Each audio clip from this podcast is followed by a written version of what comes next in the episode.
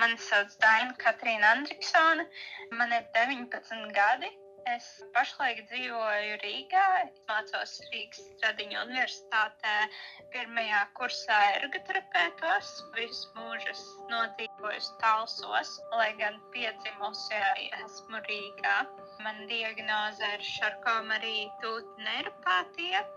Šāda pati slimība ir arī manai mammai un bija viņas tētim. Tā ir iedzimta neiroloģiska saslimšana, kas ietekmē perifēro nervu sistēmu, Un slimība pieder pie reto slimību grupas.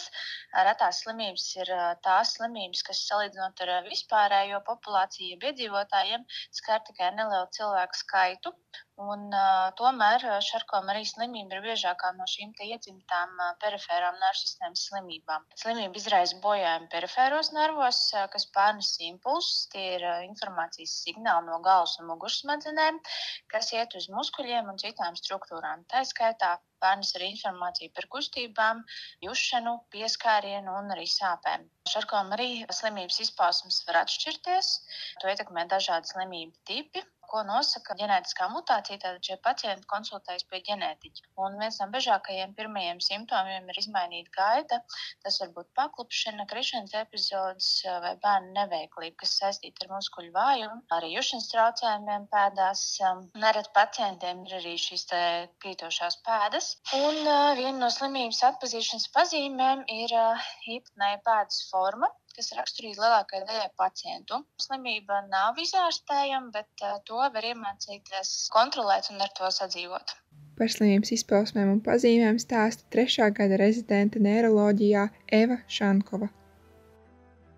Tas, kur es izjūtu tos traucējumus visvairāk, ir brīvā laika aktivitātēs, kur man ir kaut kur jāpārvietojas. Tāpat iešana kaut kur pat neliela attāluma dažreiz var būt ļoti grūti, jo jā, arī tas ir ļoti atkarīgs no reizes, kāda ir tā situācija. Es dažreiz varu noiet 11 km un man viss var būt kārtībā. Dažreiz uh, aiziet līdz tuvākajam veikalam ir grūti. Slimība ir diemžēl progresējoša, bet uh, progress ir lēns un tā nav ietekme uz pacientu dzīvi ilgi. Saslimšana var ietekmēt pacienta mobilitāti, neatkarīgu funkcionēšanu, uh, tāpēc ir būtiski savlaicīga rehabilitācijas pasākums sākšana un nepieciešama regulāra fizioterapija. Pēc vajadzības ir jālem arī par uh, kaut kādiem tehniskiem palīdzekļiem, piemēram, ortozēm vai speciāliem apaviem. Medikamenti var būt nepieciešami tā, biežāk gan tādos gadījumos, kad pacientiem parādās sāpju sindroms. Un, lai mazinātu šīs slimības ietekmi uz pacientu dzīvi, ļoti svarīgs ir arī psihoemocionālais atbalsts. Tādēļ šiem pacientiem ir izveidotas arī atbalsta grupas, lai viņi saprastu, ka nav vieni un iemācītos pārdzīvot grūtos brīžus un ieraudzīt skaisto. Kādreiz es varēju paskriet, un darīt tādas lietas, bet nu jau vairs to nevaru darīt. Arī slidošana, piemēram, kādreiz es uh, varēju paslidot, bet vairs to nevaru. Un sociālajās situācijās tas, ka man rokas trīc, plus vēl dažreiz tieši arī tajos momentos vēl ir satraukums, kas to padara vēl trakāku. Tad uh, vienkārši es jūtos nekomfortabli, ja es tur ar svešiem cilvēkiem esmu un man jāveic kaut kādas aktivitātes, kurās uzkrītoši var redzēt, ka man trīc rokas. Un, protams, tas arī apgrūtina kaut kādu lietu veikšanu. Paralēli šarkoma arī slimībai, Dainai ir arī skolioze, un abu šo problēmu dēļ viņai ir otrās grupas invaliditāte.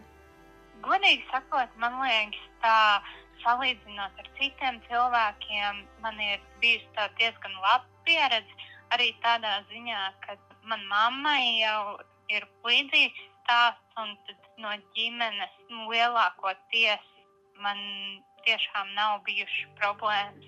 Draugi man arī vienmēr ir bijuši tādi pieņemoši, man godīgi sakot, liekas, ka viņi lielākoties aizmirst, ka man ir šīs problēmas, kas no vienas puses ir jauki, jo es tevi skatās kā uz pilnīgi normālu, bet uh, tajā pašā laikā, nu, ja aizmirst dažreiz, ka tu nevari kaut kādas lietas izdarīt arī tā pati iešana pa ielu, ka ja viņi sāk ātrāk iet un aizmirst, ka es nevaru to izdarīt, tad tajā reizē tas uh, varbūt nav pats labākais. Bet kopumā es teiktu, ka es tiešām tam dēļ neesmu bijusi ļoti apcelta.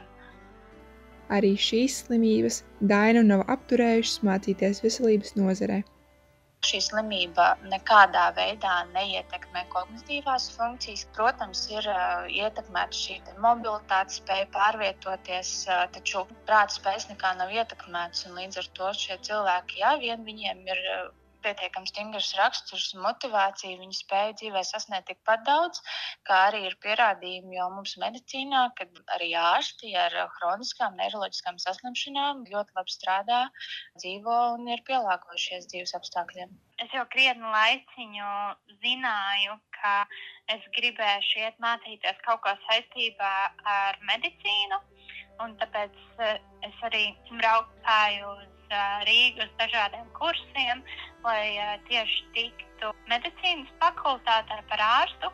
Bet, kad es iestājos, es diemžēl tur netiku. Un viena no manām otrajām opcijām bija ergoterapija.